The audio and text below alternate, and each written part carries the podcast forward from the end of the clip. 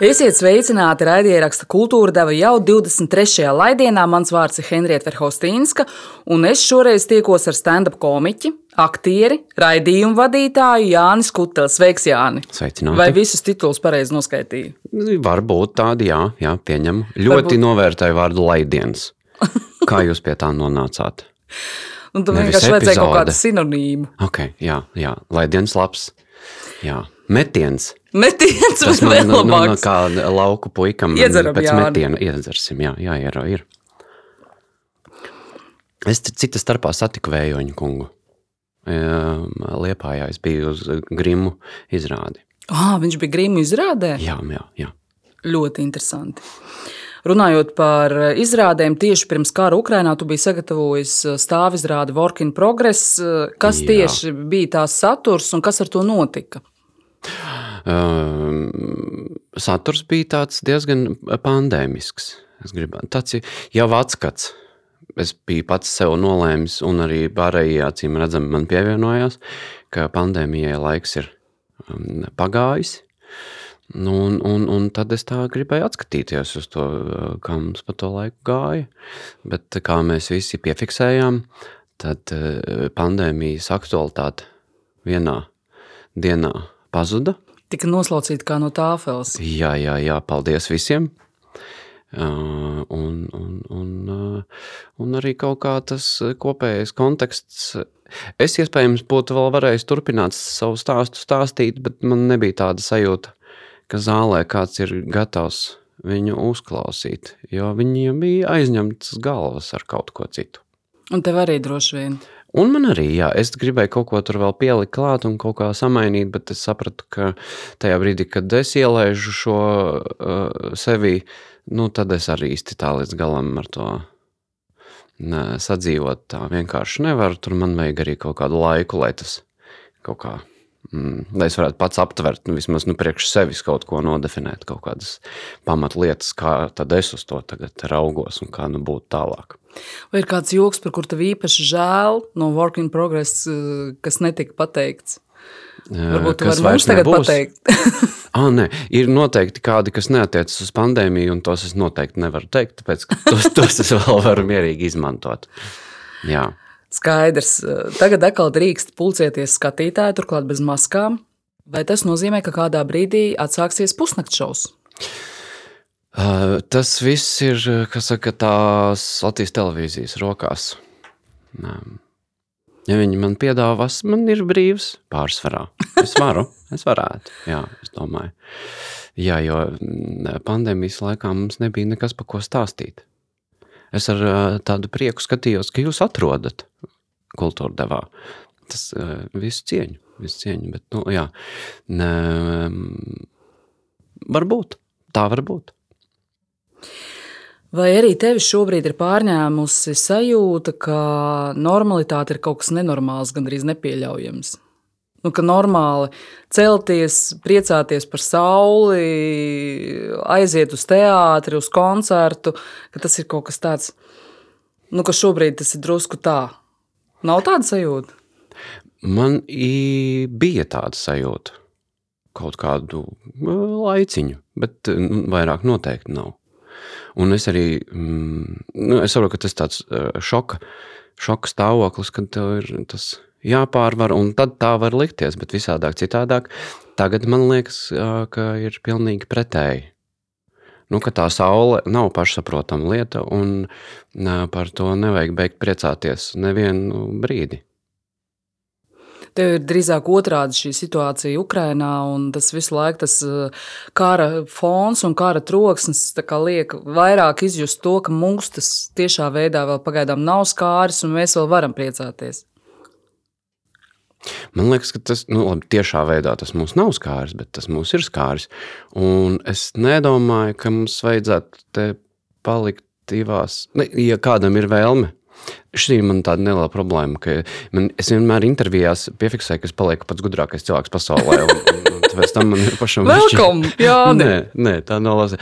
Bet tas, tas, kā es e, priekš sevis šo esmu nodefinējis. Un kā es uz to skatos, ka mm, nav, nav tikai divas iespējamas kategorijas. Tā kā mm, sēdēt un, un sekot līdzi un, un mēģināt pa visām varītēm, nu, vai braukt un, un piedalīties. Tā ir tā viena iespēja, un otra iespēja, ja tu kaut kā priecājies, tās uzreiz ir um, dzīves mēra laikā. Es, es to tādu neredzu, diemžēl. Kā tu to redzi? Um, tieši tā kā mēs jau to saulīti pacēlām. Mm. Ja viņi ir, um, man nav aizliegts būt par to priecīgam. Jo redz, tur ir vēl viena lieta, tāda, ka tas neko nedod. Um, tas, ka es būšu bēdīgs. Tas tikai padziļina depresiju. Jau... Jā, bet es, es zinu, kā nu, es arī dalīšos ar to. Un, un tas tikai sliktāk būs visiem. Un mēs visi dalīsimies. Un mēs jau varam arī diezgan labi redzēt, ka cilvēki arī dalās. Ar, ar, ar savu no, no savas neizpratnes izrietošo kaut kādu tādu negāciju pret nu, jebko. Un mēs meklējam problēmas vietās, kuras, kurās viņu nav. Un, un zin, kā, mēs jau tā ir tāda vispār lieta ko es eh, skatos, ka man ir vienmēr bijis diezgan sarežģīti pieslēgties pie tā pozitīvā, bet es esmu ļoti labs uz kritizēšanu un atrašanu visādi problēmu. Un, nu, varbūt tomēr šis ir tāds eh, laiks, kad eh, mums vienkārši ir paaugstināta grūtības pakāpe šim treniņam atrast kaut ko pozitīvu tajā ikdienā. Tas ir labs formulējums. Uh, tu esi arī trīs bērnu tēvs, ne tikai uzskaitījumā, visā šajā, ko es uh, raidierakstu sākumā jā. minēju.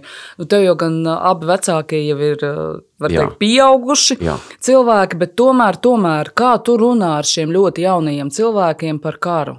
Kā viņiem to vispār izskaidrot, kā viņiem pateikt, kas notiek, lai viņus nenobiedētu? Bet sagatavot iespējams. Uh, es, ne, es domāju, ka bērni arī ir uh, tomēr individualitātes savā ziņā, un katram iet ar to citādāk. Ja, ja viņiem ir jautājumi, viņi man prasa, man tā kā speciāli uh, apstādināt visu ikdienu un tagad klau tāda ir situācija, un mēs rīkosimies šitā. Vienā brīdī mēs to, ātri nolēmām, jau kā mēs tur rīkosimies un kas mums būtu jādara.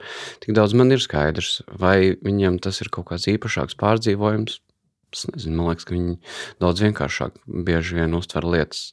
Jo man arī nav nu, tie piecgadnieki vai, vai septiņgadnieki, nu, jā. kuri vēl nav sapratuši, ka cilvēks vispār ir mirstīgs un ka tas varētu viņus šokēt.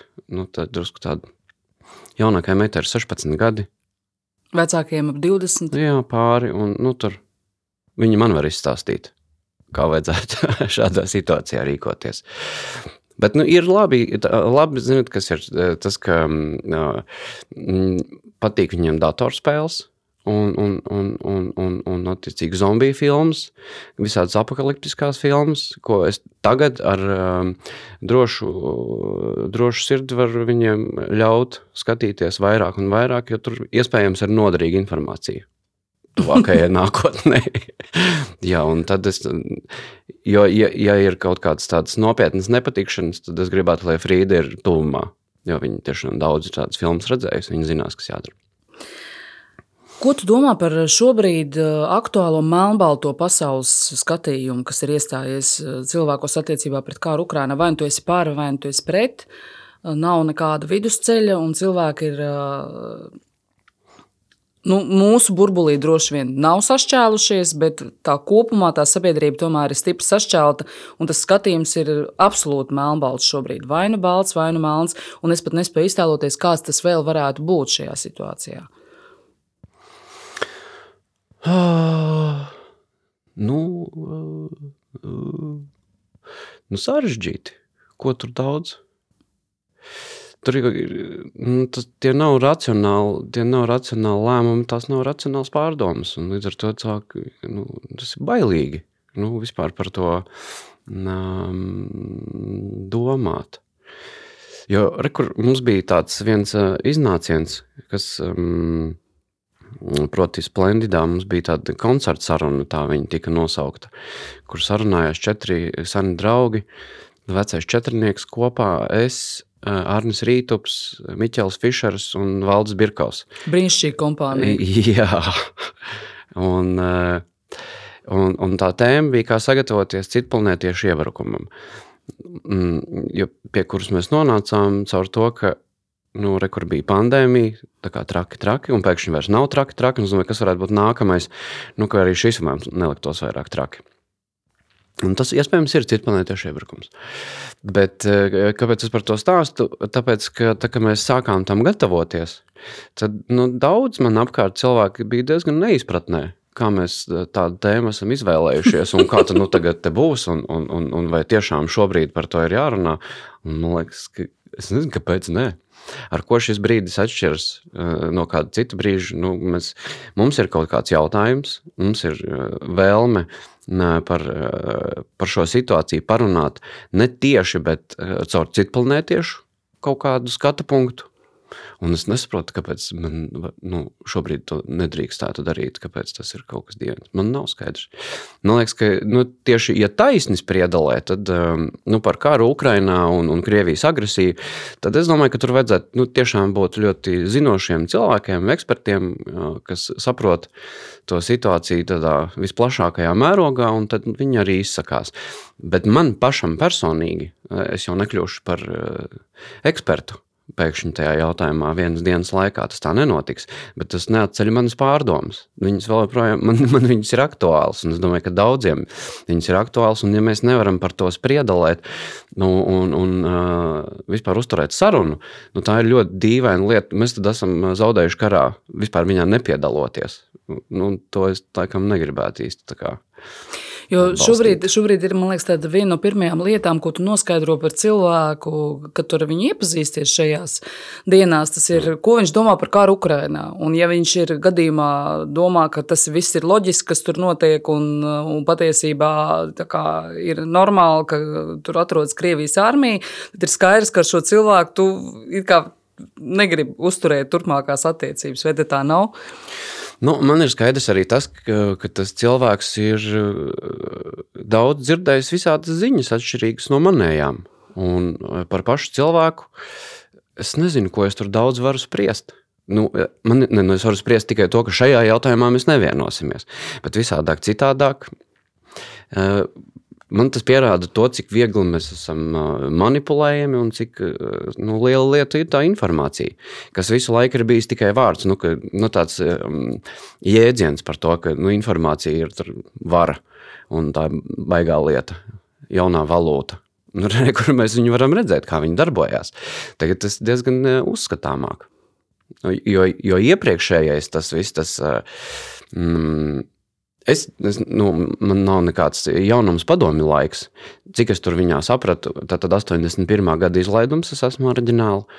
Nu, un kaut kādu laiku jau es nodzīvoju tajā. Un, nu kā, nu, es, mm, es biju diezgan vīlies, eh, ka, jo es, es iestājos oktobrēnos, un tad eh, viss sabruka. Es biju diezgan vīlies, ka es netikšu pionieros. Jo viņiem bija vis kaut kādas foršākas tās nozīmītas, ko viņi tur sprauda. Tas sarkanie kaklauti. Jā, nu viss kaut kas. Nu, oktobrēni bija tāds nu, bērndārs. Līdz ar to es no bērndārza nemaz netiku ārā. Un, un, nu, tā bija mana tā laika realitāte. Bet tā laika realitāte, kur man izstāstīja ne jau es viņu izdomāju, un ne jau es viņu izvēlējos tādu. Tev iedēstīja kā tādu zaļu augu nu, podiņā. Bet, nu jā, un nu, tad, kā mums tagad būt ar visiem cilvēkiem, kas tā domāja kādreiz? Kā būt? Nu, vienkārši saprast, cik tas ir būtiski. Nu, kaut kāda adekvāta informācija un piekļuve tai. Vienkārši informēt. Uh, Kāda, Jāni, ir tava kaujas gatavība? Vai tu par to aizdomājies? Vai tu, piemēram, es kā Gustavs Tarzans iestājies eh, zemesardzē? mm. Nē, es neesmu. Es biju jaunsardzē. Un, un sapratu, ka nu, labi, tas bija sen, ka man kara gatavība ir diezgan vāja. Gatavība tam, bet um, Tad, kad bija vēl tikai pats sākums, man bija tādas pārdomas, ka nu, es neesmu karotājs un visdrīzāk es maisīšos cilvēkiem pa kājām, un tāpēc man vajadzētu notīties. Tad nākamā, nākamā doma, kas man ienāca prātā, nu, ka iespējams, ka nē, nu, jo skatoties uz to, kā Ukraiņi uh, tur pozīcijas un, un neizklīst, domāju, nu, moins. Kā tā? Nu, labi, iespējams, ka man vajadzētu dabūt tādu ātru bērnu projām un tad turēt tās pozīcijas. Bet tagad jau man ir tā sajūta, it īpaši tajā brīdī, kad tiek pieminēta atomieroči un vēl kaut kas, nu, tā planēta nav tik liela. Nu, tu nevar, nu, vienkārši tu nevar fiziski aizbēgt. Nu, mēs, tas īsti vairs nedarbojās. Un, um, līdz ar to um, augstākā iespējamā man kaujas gatavība ir. Kā, kādu es varu sasniegt? Jā. Tavs darbs gadu gadiem ir bijis ļaut cilvēkiem izsmieties. Un vai šis ir arī brīdis? Tas ir labs formulējums. Jā. Tas man nebija nācis prātā. Ļaut viņiem izsmieties. Nu, jā. ja netraucēt. Jā, jā, jā. Vai šis ir arī brīdis, kad komiķim saprast, ar ko viņš īsti nodarbojas un uh, kas ir tas, par ko šobrīd drīkst smieties? Tas ir jautājums, man liekas, komiķiem visu laiku. Par ko drīkst, un par ko vajadzētu, un ar ko viņš vispār nodarbojas. Tas nav nekāds jauns. Vienkārši ir sarežģītāk, eh, sarežģītāks vingrinājums, bet tāds vingrinājums ir vienmēr bijis. Man vienmēr ir jāizvēlas, eh, par ko tad es gribētu parunāt. Vienīgā atšķirība eh, gadiem ejot, ka es saprotu, ka kaut kādā veidā tomēr to sabiedrības domas ietekmēju. Varbūt pavisam nedaudz, bet nu, nedaudz, nedaudz, un beigās ir diezgan padaudz. Mm. Nu, un, nu, nu, nu, tā atbildība varbūt ir tas, kas pienāk klāt. Bet tā, ka mm, ir labi izdomāt joki un ne visai. Ja tu vari izdomāt jēdzīgu joku par šo situāciju, kāpēc tas tā nebūtu? Kāpēc tāds nebūtu stāstāms? Um, vienkārši ļoti sarežģīti to izdarīt. Jo, pieņemsim, arī pats um, um, pandēmijas sākumā es patiesībā pat biju diezgan apmierināts ar situāciju no tādas pozīcijas, skatoties, ka man bija brīvs, un, un es sen gaidīju kaut kādas tādas brīvdienas, kuras nav manis paša izvēlētas, jo tad es noraksturot sevi par slinku un vēl kaut kādu, bet te man vienkārši saka, ka mierīgs sēdēt mājās. Domāju, nu, jauki, bet tad vienā brīdī saprotu, no, nu, varbūt, ka man pietiek sēdēt un kaut ko es varētu pajokot, bet man vienkārši nav skaidrs, kas tad īsti notiek. Un kā tad tie pārējie cilvēki jūtās? Un tajā brīdī man ir sarežģīti kaut ko jokot. Ja es pats nesaprotu situāciju, es domāju, ka man labāk ir paklusēt. Nu, un, un, un, ja vēl cilvēki ir apmulsuši, tad es vienkārši nesaprotu, kurš, es nezinu, ne, nekas, ne ar ko runā. Līdz ar to nu, tā ir tāda bezjēdzīga, bezjēdzīga saruna var izveidoties. Un tas bija pandēmijas laikā, kā tas ir šobrīd? Tā ir līdzīgi. Ir līdzīgi. Nu, um, es esmu redzējis labus visādus jociņus, glītus, pārsvarā pašu ukrāņu visdrīzāk. Vai ne? Jā, nu, jā jo viņi tiešām vislabāk saprot to situāciju. Nu, vismaz savu pozīciju, nevis globālo situāciju, bet savu pozīciju viņiem ir ļoti precīza un ļoti skaidra. Tādā ziņā. Mm, tur ir. Es nezinu, vai var teikt, ka tas ir vienkāršāk, bet tur tā sanāk.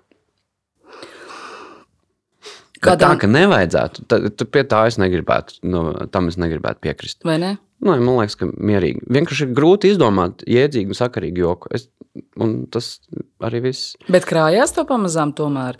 Grūti jau nenozīmē neiespējami. Man krājās kaut kāda izpratne, un līdz jokiem es vēl neesmu nonācis. Tā kā es varētu ar, ar to operēt.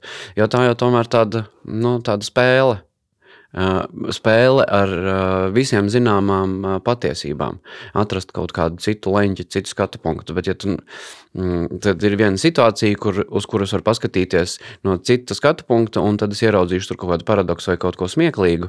Bet man ir jāsaprot situācija, man jāsaprot, man ir jāier, vai man ne tikai man ir jāierauga tā situācija no, no tās vienas perspektīvas, lai viņi varētu grozīt un viņi varētu spēlēties.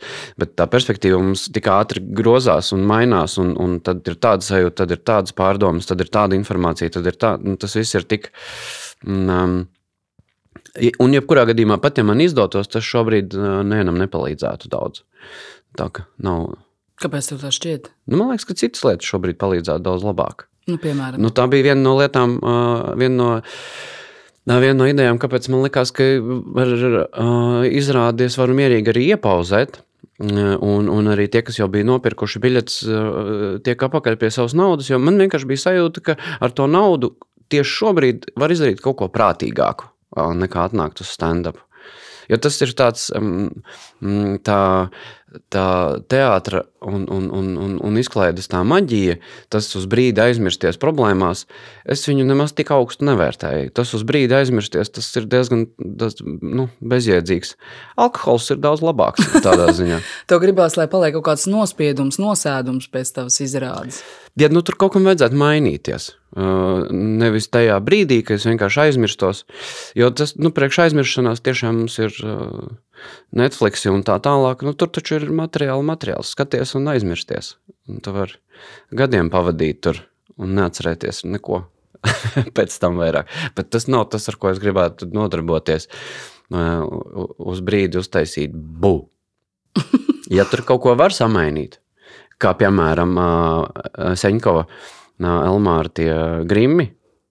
Nu, Tu redzēji? Es redzēju, es biju Ā, nu jā, biji kopā ar Vējoni, jā. jā un, un, un, un, un, un, un tas jau bija, jau, tas ir citādāk. To jau es no, novērtētu kā nevis vienkārši kaut kādu labi pavadītu laiku un aizmiršanos, bet tā jau ir kaut kāda tāda, nu, ka es pēkšņi piefiksēju, ka es tā nekad neesmu domājis.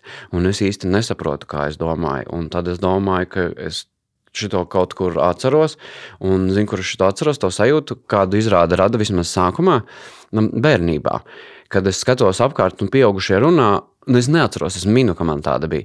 Sat- Skatos apkārt uz to pasauli, un pieauguši sarunājas savā starpā, bet es zinu vārdus mamma un amam, piemēram. Mm -hmm. Bet pārējie visi ir gibberišs, pilnīgs. Viņi runā neko. Es nesaprotu neko, bet es tik un tā ar ļoti lielu interesi vēroju, un domāju, kas notiek. Un es mēģinu saprast šo savilku kopā. Un tas jau ir interesants piedzīvojums. Un tāds tev līdzīgs bija Grimos. O, jā, o, jā. Un, ja tur ir kaut kas uh, no tās, uh, tur piedāvātās smieklīgās, ā, asprātīgās vietas, nu, tās nav tās, kur tu vienkārši aizmirsties. Tās ir jau tādas apziņu mainošas. Lūk, tāda lūk, reklāma izrādīja brāļa Grīma Liepājas teātrī. Liepājas teātrī skatāma.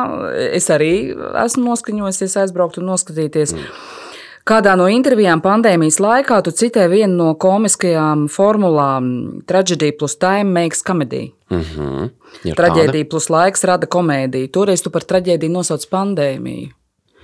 Vai arī šis laiks radīs komēdiju pēc laika? Es domāju, ka noteikti, bez variantiem. Jā. Mums, nu, jebkurā gadījumā, mums ir kaut kā jāprocesē. Nu, mums ir jā, nu, tam visam ir. Tas viss ir kaut kā jāsalāgo ar, ar nu, tā, tā realitāte, re, kur viņi šausmīgi ātri nomainījās un paplašinājās. Mums viņ, un tas, ka mm, man ir sajūta, ka es to visu saprotu, tas nenozīmē neko vairāk, ka man ir tāda sajūta.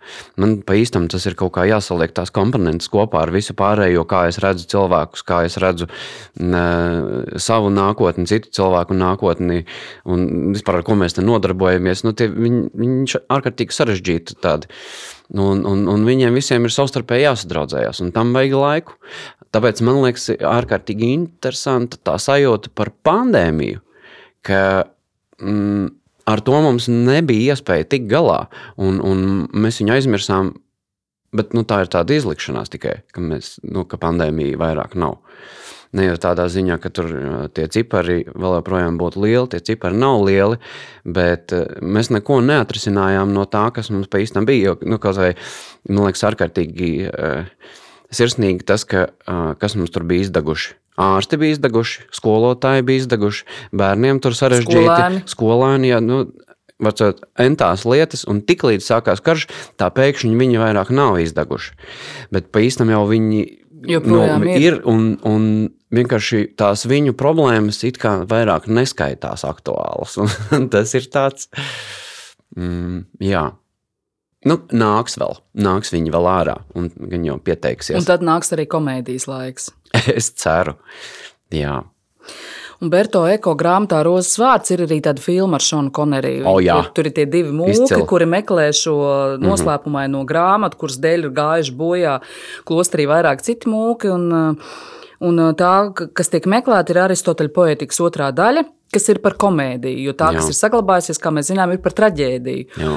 Un uh, šajā grāmatā tiek uh, apgalvots, ka šī komēdijas daļa ir rūpīgi jānoslepeno, jo, ja tā nonāks pie cilvēkiem, tad viņi zaudēs savu dievbijīgo. Tātad pasaules uzskatu, viņi kļūs nešpatni, viņi sāks par daudz varbūt domāt un, uh, un, un ironizēt par lietām, uh, kas, kas varbūt ir svētas un neaizskarams. Vai tas, ka šī komēdija var būt bīstama, vai to tu pats esi kādreiz jutis, kādam bīstama? Noteikti, ka komēdija ir bīstama un viņu vajadzētu pieskatīt. bet, bet ne jau cilvēkiem. Sistēmai komēdija, protams, ir bīstama. Un, un, un, un Rozes vārdu gadījumā tā ir sistēma. Nā, Tas eh, mūks, kurš to uh, ideju pārstāvēja, viņš jau pārstāv visu tur uh, katolicismu vai kamā viņi mm. tur draudzējās. Un, un skaidrs, ka tas ir bīstami. Jo nu, tev ir. Tev, Jo tas iepriekš manis pieminētais um, kaut kādas idejas vai objekta grozīšanas paņēmiens un paskatīšanās no dažādām pusēm, nu, tas nevienam nav izdevīgi. Es domāju, nu, no sistēmas viedokļa. Jo daudz, daudz vienkāršāk un daudz izdevīgāk ir, es tev vienkārši pasaku, kā ir, un tu man piekrīti. Un es tev piekrītu. Un, un, un, un, dari, un, ja tu man nepiekrīti, tad tu man esi eh, ienaidnieks. Un mēs atkal esam melnbaltā pasaulē, un, un viss ir ļoti vienkārši. Bet um, nu, tur ir tā varavīksne, mēs neko nevaram darīt. Uh, Ukraiņas prezidentam Zelenskam ir tāds uh, padomnieks Aleksis Arestovičs, kurš katru vakaru ir YouTube sarunā dzīvajā ar krievu žurnālistu Marku Feiginu. Un es ik pa laikam apskatos tās viņa sarunas, un tas, kas pārsteidz, ir tas, ka tam Arestovičam nāk tādi joki, viņš, Jā. ka viņš ik pa laikam ar lielu. Teātris. Jā, ar lielu humoru izjūtu raksturo teiksim, Krievu armiju un, un vēl dažādas lietas. Un, starp citu, kaut arī tāpat kā Zelenskam, Aristovičam nav bijis nekad aktieru izglītības, viņš ir bijis aktieris. Jā. Vai tev šajās dienās ir nācies, uh, tā kā, kad tev atgādina, ka Zelenskis taču arī bija stand-up aktieris? Mhm. Vai man ir nācies um, Uzklausīt šādas. piedāvājumus? Jā, noteikti. Jā, tie, tie bija diezgan, bet viņi jau bija, patiesībā viņi jau bija sākušies iepriekš ā, ar kaut kādu uh, vējoņu bildi un Zelenska un, un, un manai, nē, vējonis vēl nevarētu būt. Jau Levita, man liekas, kur bija, nu, un, un mēs bijām trietā tur sakompelēti, un tad Levits man saka, tu tikai, nu, tu nemaz nedomā, Nu, kaut kādi tādi tie joki jau iepriekš jau ieskrējās labi. Bet uh, tagad, protams, arī, bet, nu jā, tas tāds um, saprotami, saprotami, no kurienes tāds varētu rasties. Vai tev patīk smieties par sevi? Man ļoti patīk tie brīži, kad tas notiek. Ārkārtīgi. Un uh, viņi varētu būt biežāk, tie brīdiņi tādi.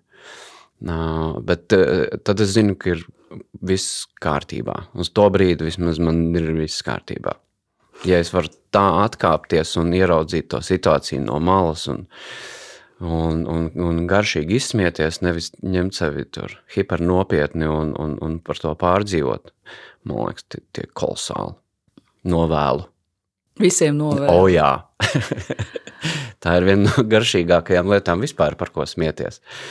Jo, ja tu pats tā kā, nu, jo, nu, jābūt katram jokam vai katrai situācijai jābūt diezgan tādai, jo tev ir labāka izpratne par to situāciju, jo garšīgāks ir tas joks, jo labāk viņu saproti. Un, un tad, kad tu pats noķer sevi kaut kādā tādā situācijā, nu, kurš vēl labāk viņu zinās konkrēto situāciju par mani, un es dabūnu to skatu no malas, tas ir jauki. Kas ir bijis pēdējais, par ko tu esi tā garšīgi izsmējies? Mm. Pēdējais, man liekas, ka bija šodien, kad es biju no rīta braucis volejbolu spēlēt, un es biju izdomājis pats, kā uh, kustās tā satiksme. Un tad es nonāku klasiskajā tajā šoka stāvoklī, ka tā satiksme patiesībā ar mani ļoti maz rēķinās. Un tad es kaut kur sāku uzvilkties, un, un, un tad es ieraugu apkārt tādus pašus. Un, ja es paņemu tādu, nu, tādu kopskatu, kā tas viss izskatās, e, pilns vantinieks ar nenormāli dusmīgiem cilvēkiem, ieskaitot mani, kas tādi e, starp citu, no, man, man ir aizdomas, ka es nezinu, kas ir ar sievietēm, bet man liekas, ka no vīriešiem tā līšana, tā ņemšanās, tas ir vēl no spermatozīdu laika palicis. Tā kā kad, ka tā mašīna mēģina aizlīst. Tu redzi, ka tur nav kur, bet nē, mēs kaut kur mēģinām tikt uz priekšu un visi uzvilkti un, un, un, un brauc visdrīzāk nenormāli svarīgas lietas darīt un grib būt turklāt pirmie. Nu, tas ir jauks brīdis. Un, un, un, ja, ir jau ir tiešām nenormāli patīkami, ka tu vari izsisties no tā uz brīdi ārā un apskatīties no malas. Komiski bez gala. Jā, Bet, tā... ja tur paliec iekšā, nu galīgi nav. galīgi nav, galīgi nav smieklīgi. Tev pirms sešiem gadiem tepat LTV bija raidījums Skutelis ir studijā, kur jūs, mēģin... lieta, kur jūs mēģinājāt tā smieklīgi un viegli pacelt politiskas tēmas. Kāpēc tā nebija veiksme? Es atļaušos tā apgalvot. Es atļaušos nepiekrist. es domāju, ka tas eh, bija. Mm, mm, Nē, tā bija labi. Neiesim veiksmi, neveiksmi kategorijās. Tā bija mācība. Izcila vismaz priekš manis, un es domāju, ka arī priekš uh, pārējiem iesaistītajiem. Bet uh, veiksmes, neveiksmes faktors bija gaužām vienkārši uh, kopēja attieksme pret komēdiju kā tādu un viņas jaudu, ko viņi spēja izdarīt. Ja, piemēram, tagad mēs varam apskatīties kaut kādu citu pavērsienu Eh, tam, eh, kā viņš tas tautas kalps ir tas seriāls, vai ne? Viņam drusku vairāk atradās nauda. Un mēs redzam, eh, kādu viņš atstāja iespaidu uz Ukraiņas sabiedrību. Uz vēlētājiem. Jā, un, un tas nebija smieklīgi un nesmieklīgi kategorijas. Tas nav laba, slikta komēdija. Bet vienkārši ko komēdija kā tāda spēja izdarīt vai nespēja izdarīt.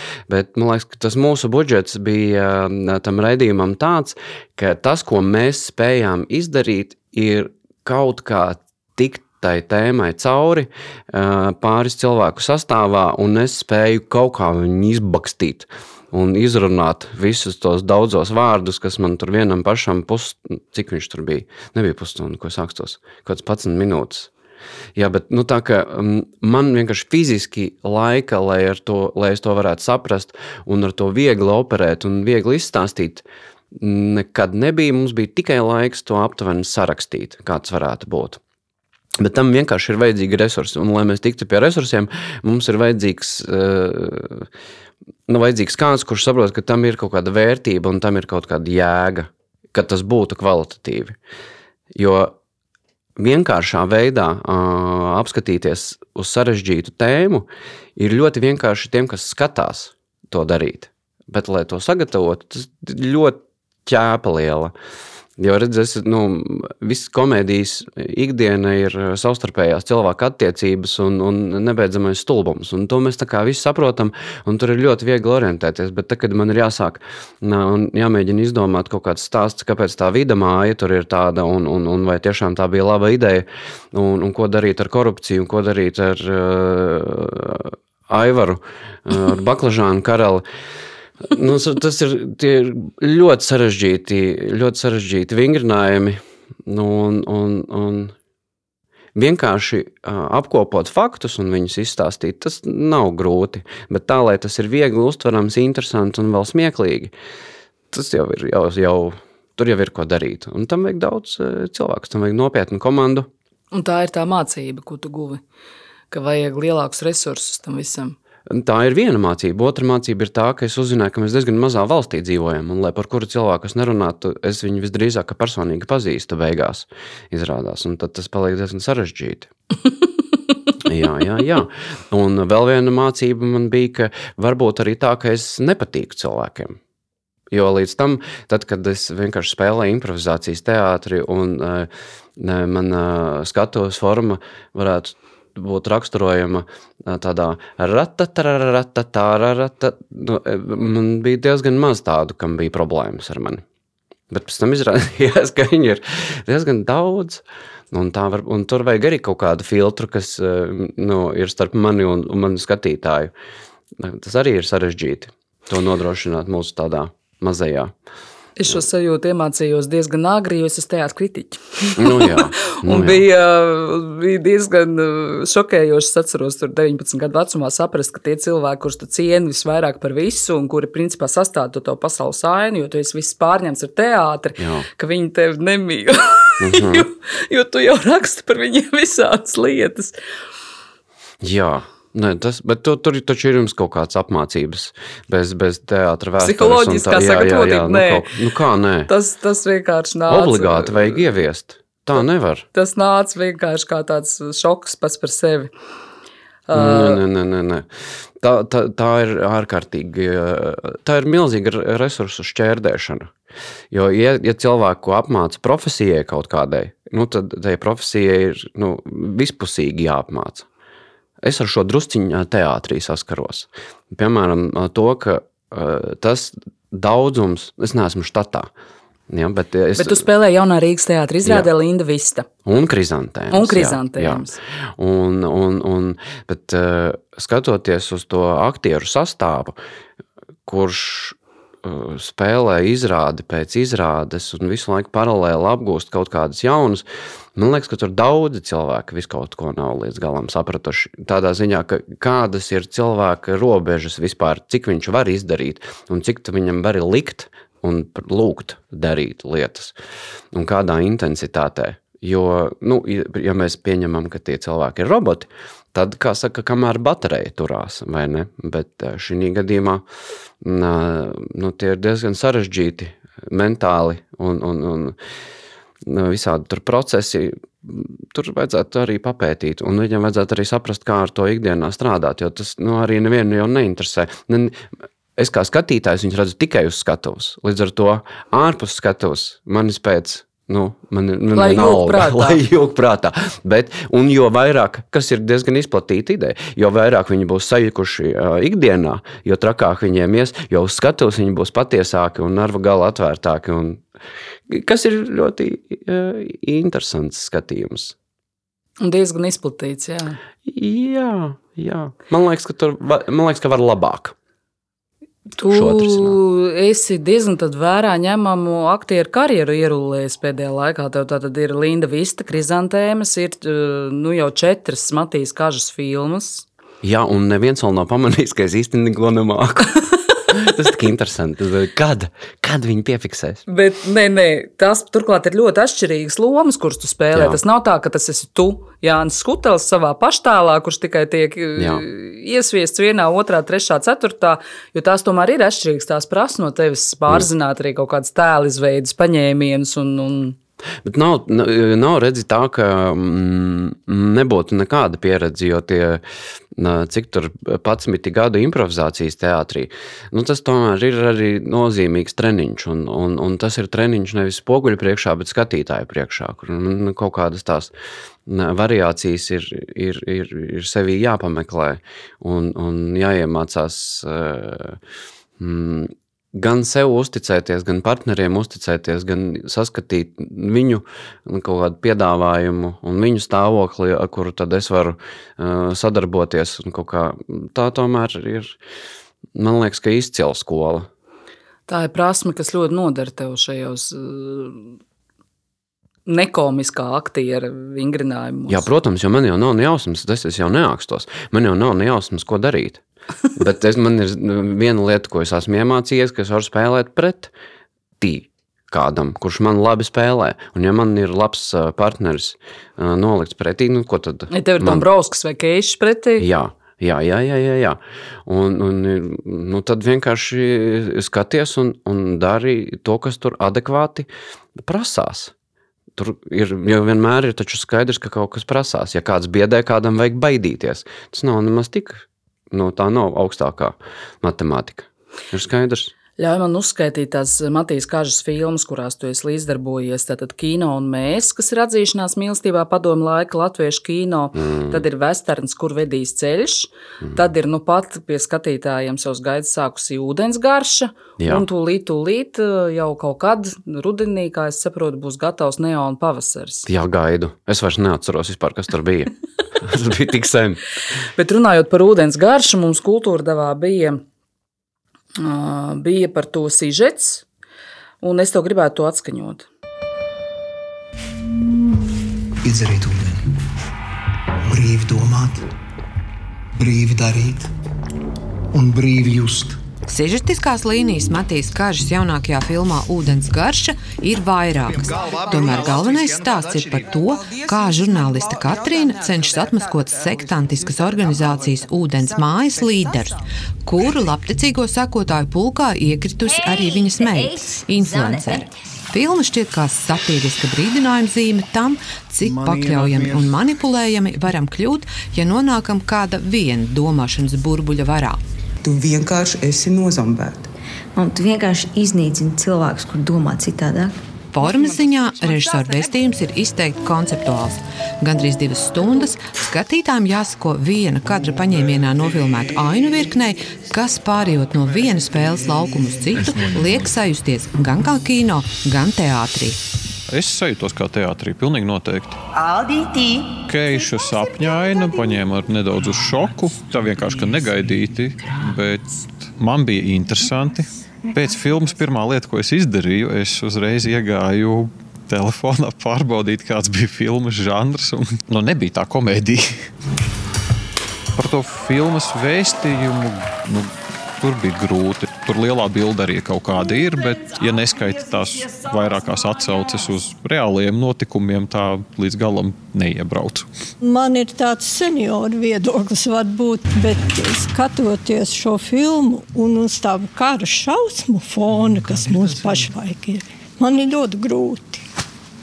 Filma noteikti ir uh, saudabīga, interesanta un noteikti dinamiska uzrunāja tas, ka viņi ir uh, vienā kadrā no sākuma līdz beigām. Šis ir kaut kas tāds, ko es tagad aiziešu mājās un vēlreiz apdomāšu. Un, un, un, un, uh, nu, māca kritisko domāšanu. Mēs cilvēkiem piedāvājam tīru, brīvu ūdeni. Brīvu no kā? No informatīvajiem samazgām. Man filma ļoti patika, jo viņa ļoti, ļoti aicina domāt. Tie jautājumi ir aktuāli arī manā ikdienā. Man liekas, atspoguļot to sabiedrības daļu, ar ko es ikdienā saskaros.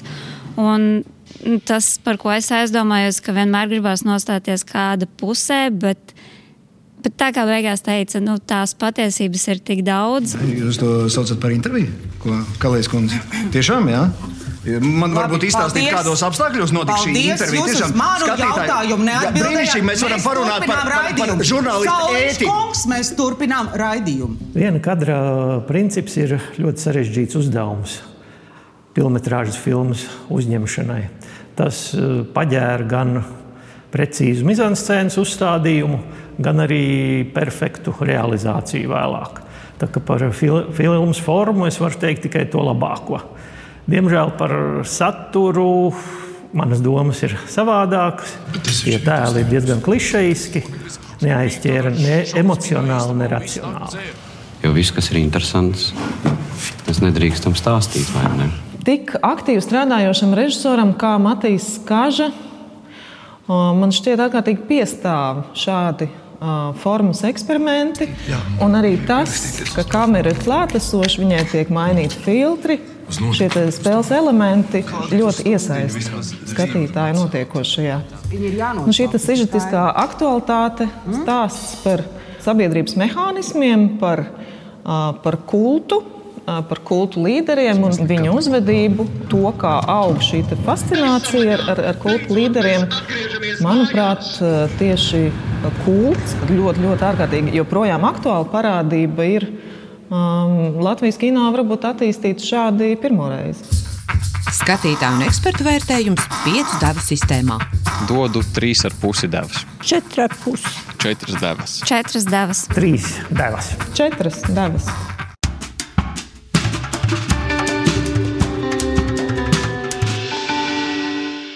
Nu, šāds lūk, skatītāja vērtējums par filmu Ūdens garša. Vai tu piekrīti tam, ka ūdens garša ir par kultu? Oh, nē. Nē, vai ne? nē, nē galīgi nē. nē. Ūdens garša ir par, um, par cilvēkiem galvenokārt nevis par kultu un, un par to, ka uh, mums nevajag būt pārsteigtiem, ka cilvēki ir labi un ir slikti. Starp citu, man liekas, ka kara kontekstā mēs vienkārši, es biju pārsteigts, un tad vēlāk jau es biju pārsteigts par to, ka es esmu pārsteigts, ka es uzzināju priekš sevis it kā jaunumu, ka cilvēki var būt ārkārtīgi ļauni. Un, bet patiesībā man tas nekad nav bijis kā nu, kaut kas, ko es nezināju. Un es acīm redzam, ļoti veiksmīgi biju izvēlējies tādu ilūziju pasauli, kur, kur labdien, un lūdzu sēdieties, vai jūs gribēsiet kafiju kādu ar pienu, un ka tāda ir tā pasaule. Un tāda ir tā realitāte. Viņa tāda nav un nekad nav bijusi.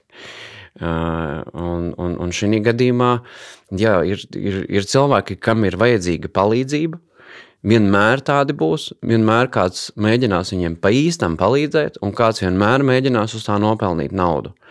Un, un cilvēku tāda vēlme pēc ātriem un vienkāršiem risinājumiem ir kolosāls biznesa koncepts. Un, un, ja pieņemsim nu, mūsu citi ūdeņi, kas ir Latvijā zināmie, ja, ar, ar, ar līdzīgu vēstījumu, nu, tas ir vienkārši Tas ir, ir parasta reklāma. Jo uz, uz katra iepakojuma, lai ko jūs nenopirkat, tur ir kaut kāda maģija rakstīta, ko viņš it kā tur darīs. Bet viņš jau to nedarīs. Un, un, un, un viss. Tas vienkārši es kaut ko pierakstu, glītu, Es biju ciemos pie, nu, labi, šis nav īsti vietā nu, stāsti, stāsti. Bet es biju ciemos pie, pie Baņuta Toronto, un viņi saka, ka viņai draudzene eh, pat taisa šokolādes un, un ved uz tirgu, un, un, un uzlikusi uz tās šokolādes uh, virsū uzrakstu, ka viņi nu, ir gluten free, ka nav glutēns. Un Baņuta saka, ka šokolādē ir glutēns. Viņa saka, nē, bet cilvēkiem ļoti patīk, ka nav. nu, un, un viss. Nu, kā, un, un tas jebkas, lai pārdotu kaut kādu lietu, strādā. Jā, bet kā mēs ar to visu tiekam galā un, un, un kā mēs to varam izmantot labiem un sliktiem mērķiem? Jo es ļoti ceru, ka no filmas neizriet tāds viennozīmīgs nosodījums visām ezotēriskajām, garīgajām praksēm un, un, un spirituālistiem un, un kaut kādiem sevis meklējumiem. Jo vismaz man absolūti nav tāda sajūta. Es vienmēr esmu bijis viegli ezotērēts, un, un, un, un man daudzas vietas ir pašam tādas, kur nu, es īsti tā nepiekrītu. Bet man liekas, ka tur tomēr atvērtība palika. Jo te bija tajā fragmentiņā bija ļoti laba mammas meitas saruna par to, ka tu esi nozombēta un par to, ka tu pat nesaproti neko, ka es neesmu, viss ir kārtībā. Viņām abām vispār ir taisnība savā ziņā. Un, uh, Es ceru, ka tā sajūta ir tāda. Vienkārši tas, ko man personīgi, um, arī starp citu, noskatoties kopā ar cilvēkiem pirmizrādē, man tā sajūta bija tāda, ka šis vienkārši ir tāds labs brīdinājums, ka, ja tu kaut kādā tādā, mm, ja tu kaut kādā tādā meklējumā iesaisties, vienkārši vajag būt uzmanīgam. Un, un tas, ka, tas, ka mm, ir kaut kādas garīgās prakses, kas tieši tev visu laiku saka, nedomā, nedomā. Kas ir laba lieta, ko iemācīties uz kaut kādu brīdi. Nu, vispār saprast savu domāšanas procesu un no kurienes viņas rodas, un, un noskaidrot, ka ne no kurienes, un mēs tā arī nezinām, no kurienes, un tā tālāk, un tā joprojām. Bet tas, ka nu, tev ir pilnībā uh, jāļaujas kāda cilvēka viedoklim un, un komandai, kā Keiša personāžs to līdz, film, līdz pēdējiem brīdim viņš ir gatavs sekot. Man liekas, ka tas ir labs brīdinājums.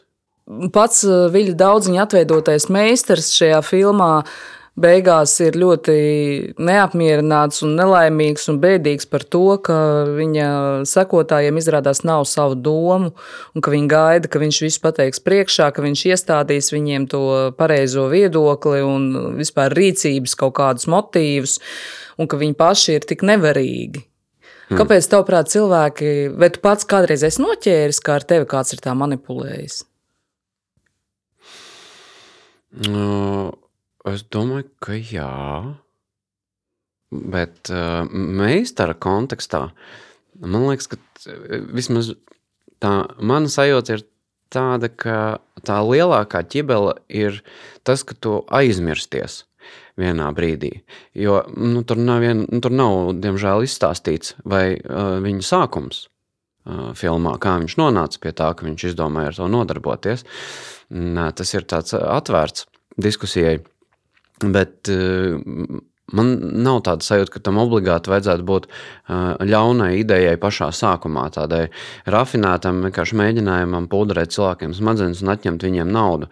Bet tieši tas brīdis arī nu, tiem pašiem cilvēkiem, kas ar to nodarbojas, ir ļoti bīstams ceļš, jo tu ļoti tu ilgu laiku pavadi tādā stāvoklī, ka tev apkārt ir par tevi uh, domāti cilvēki. Bet viņi nav varbūt vispār domāti. Viņi vienkārši ir tādā stāvoklī. Viņi, viņiem ir kaut kas dzīvē noticis, un viņ, viņu stāvoklis ir tāds, kas padara viņus ļoti viegli manipulējamus, un viņi gaida tās atbildes. Viņi acīm redzami tajā stāvoklī nevar pie viņām nonākt. Varbūt viņi varētu citkā. Bet tajā stāvoklī viņi nevar, un rekur ir kāds, kas viņiem mēģina palīdzēt.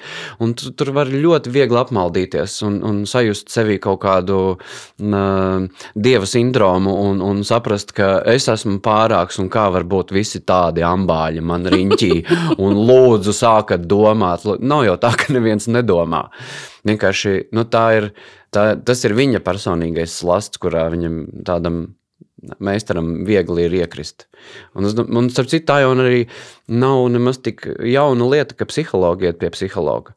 Tas, tas nav no paša sākuma, tā nebija. Tas kaut kāds. Es negribu samalot. Man liekas, ka tie ir 90. vai ja, ne vēl vēlāk. Kad cilvēks sāk iet pie psihoterapeita? Nē, kad psihoterapeitam vajadzēja iet pašam reizi mēnesī pie à. kāda cita psihoterapeita.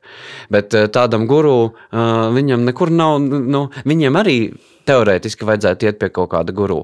Viņi ar to tagad arī nodarbojās, bet nu, parādiet man, kur viņi ir, kuri tā dara. Jo, ja tu saprati, ka tu esi pats gudrākais pasaulē, nu pie kā es aiziešu? Un, un, un, un ja tu esi pats gudrākais un varenākais, un ja tev vēl ir kaut kāda misija, tad uh, trakas lietas var izdarīt. To mēs arī ārpus uh, reliģiskā konteksta varam redzēt.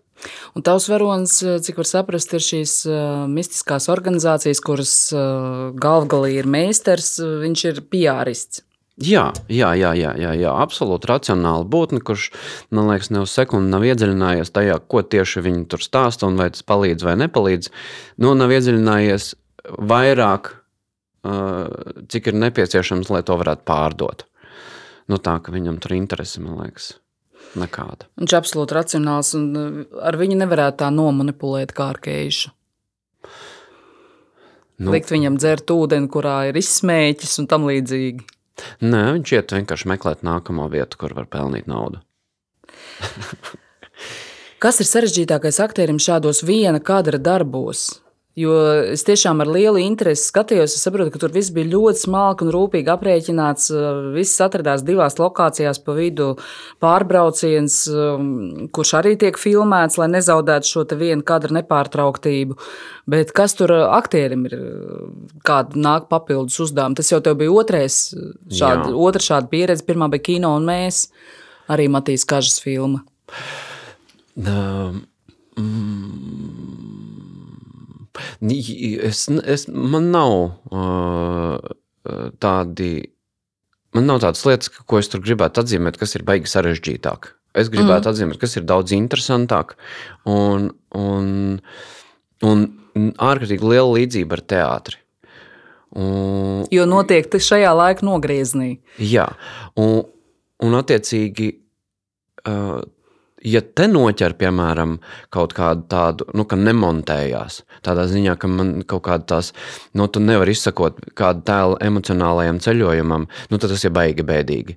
Jo, jo tas nav tā, ka mēs nofilmējam vienu kadru šodien, un pēc tam pēc divām nedēļām citu kadru, kurš ir kā nākamais, un mums vajadzētu tur precīzi dabūt to pašu sajūtu un kaut kā viņi, ne, viņi vienkārši te pa īstam notiek. Jo mēs esam visu laiku turpat uz laukumu, un mēs visam sekojam līdzi tieši tāpat tās kā izrādē, bet ja es neesmu esmu kadrā, es esmu aizkulisēs. Es žinēju tur gulēt pa to laiku, kamēr notiek izrāde. Tu esi visu laiku klātesošs, un, un uh, man ārkārtīgi patīk tieši šī sajūta. Es um, būtu gatavs filmēties visu laiku vienu kadru filmās. Es domāju, ka jā. Un arī nu, tie, tās, tur ir konstanta risināšana, un ņemšanās un meklēšana, kā tad mēs tiksim no turienes uz turieni un kas tur notiek. Un, ja tā, tāpēc es domāju, ka te ir tāds. Es ļoti ceru, ka Matīs pieturēsies un ik pa brīdim atgriezīsies pie tā visa. Jo to, tomēr svarīga lieta, ka tas tiešām domāju, ir sarežģīts uzdevums. Un Un tas ir sarežģīts uzdevums, kuru nevar vienkārši iemācīties. Un viņu vajag mēģināt, un viņu vajag filmēt, un, un saprast savas kļūdas, un filmēt atkal, un filmēt ar vien labāk un labāk. Jo, mm, um, saturiski vienam māte, vienam meita, bet nu, kino un mēs bijām nu, primitīvs salīdzinoši ar šo. Bet es domāju, ja tagad teiksim, Matīs atspērtos atpakaļ uz, uz, uz, uz vienkāršību, kas bija kino un mēs no vienā paviljonā filmēt iekšā, bet iespringtu vairāk uz saturu, ko tu tur iekš, ielikt tajā visā iekšā, tad viņam būtu daudz vienkāršāk to izdarīt. Tur kaut kāda tā loģistikas sarežģītība, tā, ka viņa pazūd, un tu vairāk vari nokoncentrēties. Bet tas ir tas ceļš, kas ir jāiziet. Jo, nu, es taču Jo vispār visādāk, citādāk jau. Nu, Muļķim skaidrs, kas tur ko nenofilmēt. Mēs ieslēdzam kameru un nofilmējam filmu. nu, kas tur var būt tik sarežģīts? Aktieri ir tur, kur viņiem jābūt. Kamera filmē to, ko vajag. Visi ir pārģērbušies, salikušies. Nu, nekā tur nav. Vai Neona pavasaris ir uh, radikāli atšķirīga Matīs Kažas filma, tātad šī jaunākā, kas vēl tikai nāks klajā? Uh, jā, es gan neesmu redzējis jāatzīst. Bet um, es, man bija pašam tur ko darīt. Uh, Kas tu tur esi? Es esmu galvenajai varonei tētis. Uh, ne īpaši tāds, kurš kotējās kā labs. Aizņemts ar savām problēmām, ļoti tētis, var sakot. Uh, un viņam, tiem bērniem, laika maz kas nav tālu no paštāla. Bet, Cik skarba atzīšanās? nav tik traki uh, par skarbumu. Bet, uh, Jā, tur, tur citu bija tieši tāda pati veiksme. Jo Marija Luīza, kas ir mana meita filmā, Marija Luīza Meļķa, dzēniece un aktrise. Viņa ir absolūti kolosāla aktrise. Un, ja man būtu cita aktrise spēlējusi, pretī. Es nezinu, kas tur būtu sanācis, bet es esmu dzirdējis, ka esot diezgan labs sniegums vismaz manējais, un tas stabili ir Marijas tikai nopelns. Jo nu, es vienkārši nevaru pretī spēlēt savādāk. Tur tikai šis viens veids bija. Bet jā, nu, tur ir tāds jauniešu, jauniešu uh, visur jauniešu lietas, escapisms un, un realitātes pieņemšana un, un saprāšana, kā viņā dzīvot. Un tur ir tie pieaugušie ar savām problēmām, uz kuriem tev vajadzētu varēt paļauties, bet viņi izrādās, ka paši netiek galā. Jo nu, pieaugušos arī nepērk veikalā, tādā ziņā, ka viņus nu, neražo gatavus. Viņi kļūst par pieaugušajiem. Viņiem arī ir uh, visu laiku izmaiņas kaut kādas dzīvē, ar kuriem viņiem pašiem ir jātiek galā. Bet viens uz otru paļaujas, un tu vari paļauties. Nevari paļauties narkotikas bērniem, ne, bet jauniešiem, un, un, un balīte, un pirmās mīlestības, un sevis kaut kāda saprašana. Interesanti. interesanti. Izklausās tiešām interesanti. Mm. Kādā uzstāšanās reizē tu teici, ka tu nekādā veidā necīnies pret eh, prokrastināciju, ka tā esot bezjēdzīga cīņa. Jā.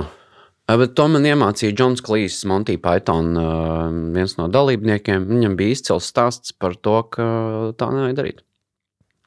Tur, tur bija viens piemērs. Piemērs bija tāds, ka viņi ar uh, Grēmu Čapmanu esot rakstījuši vienu sketču kopā vakarā.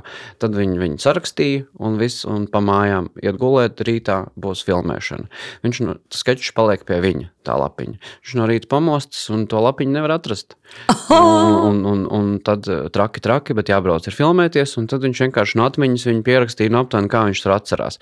Un tas, ko viņš pierakstīja, bija daudz labāk nekā tas, ko viņi vakarā bija sarakstījuši. Un, uh, viņa secinājums bija, ka uh, acīm redzot, zemapziņā viņš vēl ir turpinājis strādāt pie tā uh, materiāla, un, un te ir atradušās vēl kaut kādas uh, veiksmīgāki veidi, uh, kā to visu tur līdz galam izdarīt. Un tāpēc vilkt līdz pēdējiem brīdim ir absolūti kolosāli. Prokrastinēt. Galvenais, protams, ir nepieciešams tas, kas te būtu svarīgi, ja kad ir tas sākums. Nu, ka tas viens tas darbiņš ir jāizdara, tā komanda ir jāiedod, lai, lai tie zobratiņi sāk kustēties un meklēt citus variantus. Bet tā, ka tur steiga, nekāds sakars. Nē, gaida līdz pēdējiem brīdim. Viņš nevar zināt, kad ienāks, jo es jau varu vienā brīdī pabeigt, nu, un, un visu, un es sāku domāt citas lietas, un uzskatu šo par pabeigtu. Bet kāpēc? Man vēl ir laiks, laiku vajag izmantot tik, cik ir dots. Manuprāt, ļoti lielisks noslēgums mūsu sarunai. Es ceru, ka arī mēs izmantojām mūsu laiku tā, ka tas ir interesanti ne tikai mums pašiem, es ceru, es ceru. bet arī klausītājiem. Rakstiet, Paldies par šo sarunu. Šo stundu jūs bijāt kopā ar komiķi, Matīsa Kažas filmu un Alvi Hermaņu un Gata Šmita izrāžu aktieri Jānis Kuteli un mani Henrieta Verhostīnsku, un jūs klausījāties kultūra devas raidierakstu. Atgādinu, ka tiekamies raidījumā Kultūra deva XV dienu, pulksten piecos Latvijas televīzijas pirmajā kanālā vai replē.lv. Savukārt nākamajā kultūra devas podkāstā tiksimies jau pēc divām nedēļām. Atā! Atā.